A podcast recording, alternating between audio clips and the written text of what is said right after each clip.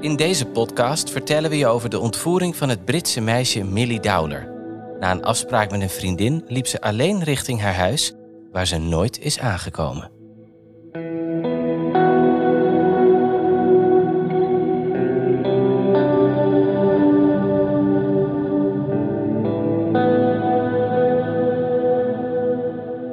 Je luistert naar Ontvoerd, de podcast. Ik ben Maya Noordam en tegenover mij zit Kevin van den Berg. Samen storten wij ons deze week weer op een spraakmakende ontvoeringszaak die wereldwijd voor opschudding heeft gezorgd. Dit is Ontvoerd, aflevering 15, Geen commentaar, deel 1.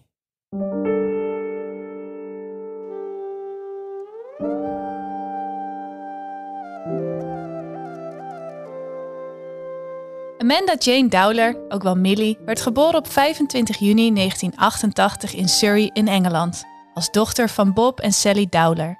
Ze woonde samen met haar ouders en haar zus Gemma, die zo'n drie jaar ouder was dan zij. De zussen Dowler konden het heel goed met elkaar vinden en waren beste vriendinnen. Millie was een sociaal, spontaan, blij en positief meisje. Ze was aardig en toegankelijk en had altijd een twinkeling in haar ogen. Ook was ze een getalenteerde muzikante. Ze speelde graag de saxofoon.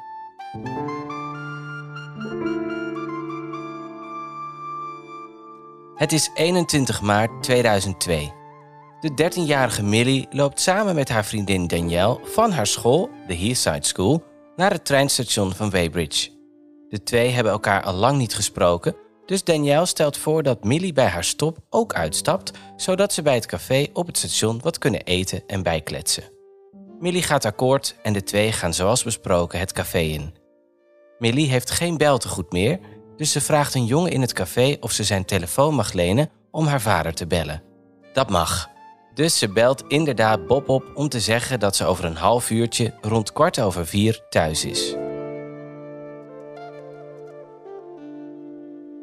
Om vijf over vier verlaten Danielle en Millie het café als Danielle's zus haar opkomt halen.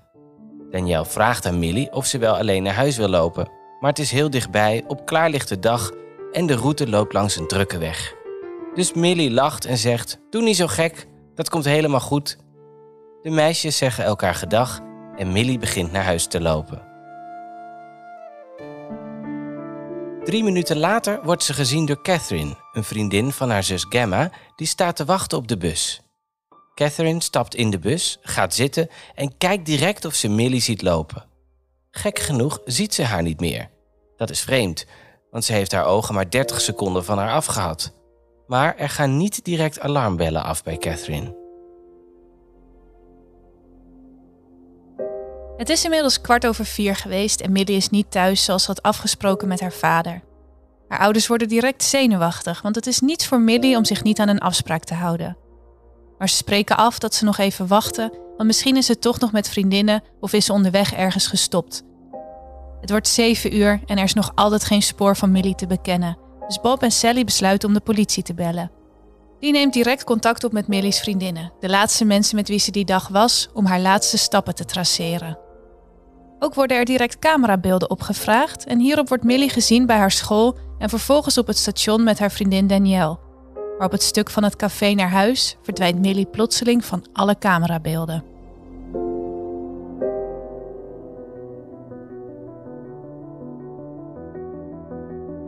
Een landelijke zoektocht volgt met 100 agenten en helikopters die velden, straten en rivieren rondom Hersham onderzoeken. De politie en de familie van Millie doen veel oproepen aan het publiek voor informatie. En er wordt zelfs een reconstructie van de zaak uitgezonden in het televisieprogramma Crime Watch UK van de BBC. De kans lijkt heel klein te zijn dat Millie is weggelopen, maar voor de zekerheid doet pop-idol-winnaar Will Young een oproep aan haar om thuis te komen. Millie was vlak voor haar verdwijning bij een concert van hem geweest en is groot fan.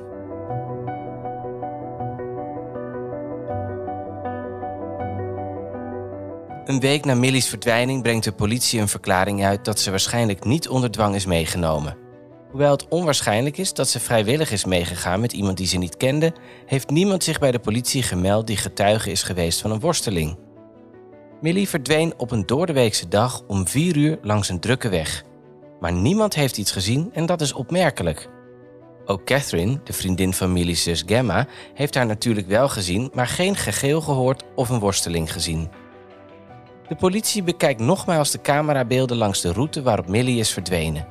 Het was heel zonnig op de dag dat ze verdween, maar het had ook net geregend, dus door de schittering en watervlekken op de lens was er bijna niets te zien. De beelden worden naar Amerika gestuurd om ze te verbeteren, maar op de resultaten moet de politie maanden wachten. Ondertussen wordt er op 23 april een lichaam gevonden in de rivier de Theems, maar het blijkt Millie niet te zijn. De weken verstrijken en in juni is Millie nog altijd niet thuis. Ondanks vele zoektochten, een beloning van 100.000 pond die werd uitgeloofd door nationale krant The Sun en talloze sms'jes die haar ouders haar bleven sturen in hoop op een antwoord. Millie is spoorloos. Politie vertelt Bob en Sally dan ook dat hun dochter Millie waarschijnlijk dood is. Na zes maanden wachten is er wel eindelijk succes met het verbeteren van de camerabeelden in Amerika. Op de beelden langs de weg waar Millie voor het laatst is gezien, is er een sportauto te zien die gestopt is en waarvan de bestuurder praat met iemand in een andere auto. Het is een zeldzame auto, waarvan er maar 5000 in Engeland rondrijden. Er wordt dan ook een oproep gedaan aan de eigenaar om zich te melden. En dit gebeurt ook. Een vrouw vertelt dat zij degene is die op de beelden te zien is. Maar helaas, het is een doodspoor. De vrouw had afgesproken met haar zoon en dat is wat er te zien was op de beelden. Het is 18 september, zes maanden na de verdwijning van Millie. Champignonplukkers vinden in Yateley Heath Woods een naakt vergaan lichaam. Identificatie is pas mogelijk na het vergelijken van gebitsgegevens. Het blijkt te gaan om het meisje dat een half jaar geleden verdween op weg naar huis. Millie Dowler. Vanwege de verregaande staat van ontbinding is het niet mogelijk om de doodsoorzaak te achterhalen. Wel wordt duidelijk dat Millie daar al ligt sinds de week van haar verdwijning, een half jaar geleden. Er worden geen spullen van Millie gevonden. Haar tasje, rugzak en mobiele telefoon die ze bij zich had op de dag van haar verdwijning blijven spoorloos. De vondst van haar lichaam betekent wel dat de politie nu officieel te maken heeft met een moordzaak. Die wordt onderzocht door de politie van Surrey onder de naam Operation Ruby.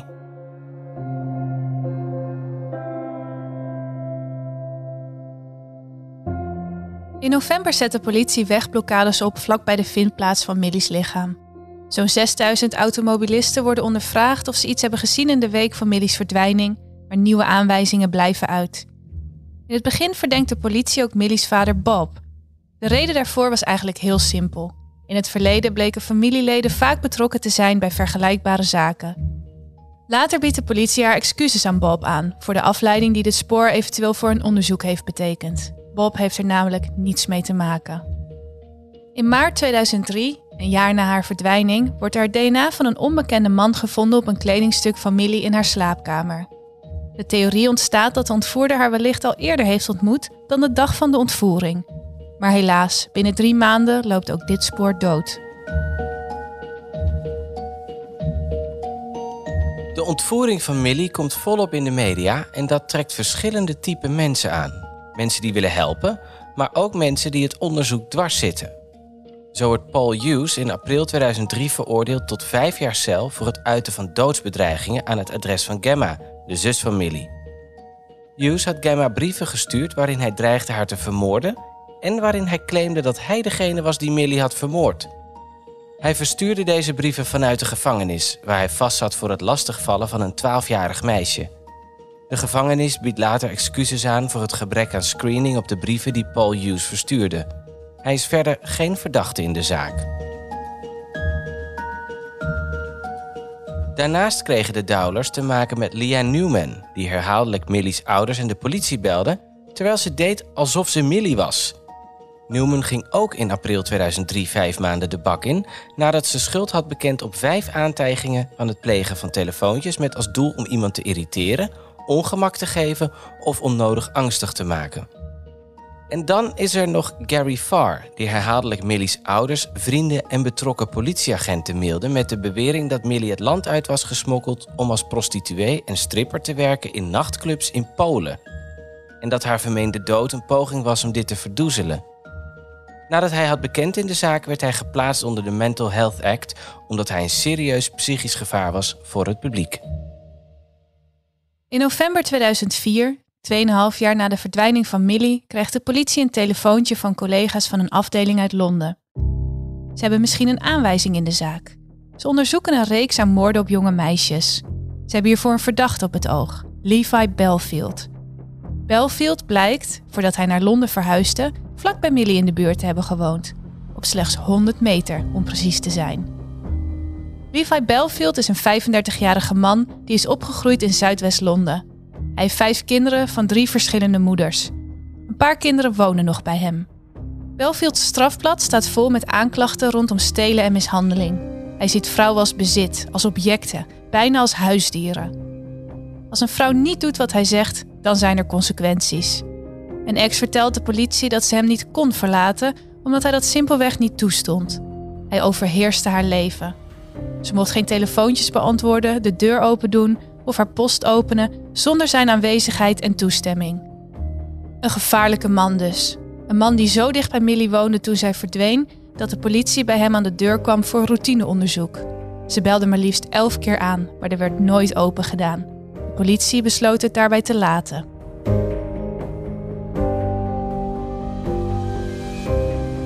Terwijl Belfield op de radar komt voor de moord op Millie, wordt hij ook verdacht van 30 aanrandingen en twee andere moorden. De ene zaak gaat over de 22-jarige Amélie de Lagrange, een Franse studente die studeerde in Londen. Op 19 augustus 2004 was Amélie uitgegaan met vrienden en vervolgens alleen met de bus teruggegaan. Ze miste haar stop en stapte later uit. Ze sneed de weg naar huis af via een sluiproute, waar ze de volgende dag bewusteloos werd teruggevonden. Ze was met een stomp voorwerp op haar hoofd geslagen. Ze werd naar het ziekenhuis gebracht, maar stierf daar aan haar verwondingen. Er waren meer dan 100 verdachten, waaronder Levi Belfield. De politie had ook gekeken naar andere onopgeloste en vergelijkbare zaken in de regio. Ze vonden de zaak van Marcia McDonnell, een 19-jarig meisje dat op 4 februari 2003 werd vermoord. Ook zij was in haar eentje op weg naar huis werd op haar hoofd geslagen en stierf een paar dagen later. Dit gebeurde in Hampshire op dezelfde plek als waar Millie's lichaam werd gevonden. De politie van Londen onderzocht Belfield met betrekking tot de moorden op Amélie en Marcia. Maar ze ontdekte ook dat hij niet altijd succesvol was geweest in zijn moordpogingen.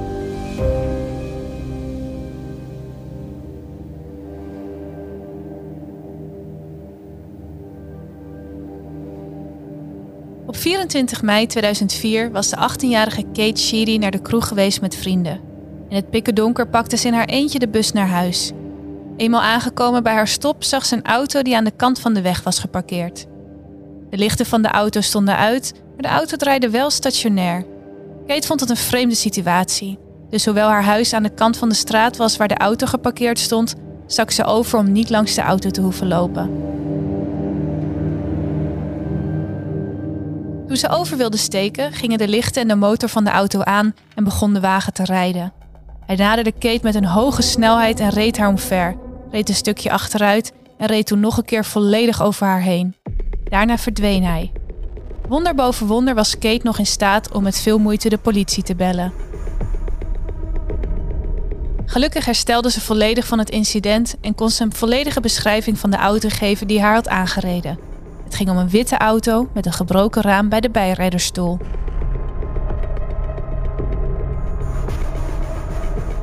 De politie bekeek de videobeelden van de route die de bus van Kate had afgelegd en zag hierop dat de beschreven witte auto de bus de hele route had gevolgd. De dader had het dus echt op Kate voorzien. Er waren geen camera's in de straat waar Kate werd aangereden, dus er waren geen beelden van de aanrijding, maar camera's even verderop hadden het beeld opgepikt van een witte auto die op hoge snelheid wegrijdt. Het ging om een Toyota Previa, hetzelfde model dat Levi Belfield op dat moment had. Precies dezelfde auto, inclusief een gebroken raam bij de bijrijdersstoel.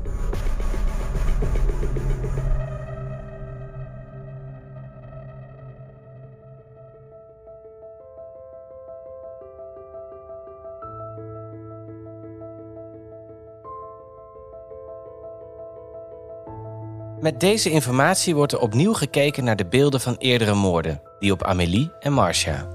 In eerste instantie leek er niets bijzonders op die camerabeelden te staan, maar met de nieuwe informatie in het achterhoofd ziet de politie dat ook de bussen van Amélie en Marcia werden gevolgd door een auto tot het punt dat ze uitstapten. Deze beelden kwamen van binnen in de bus en buiten was het donker, dus het was moeilijk om de auto in die situaties te identificeren. Maar de politie was een duidelijk verband op het spoor.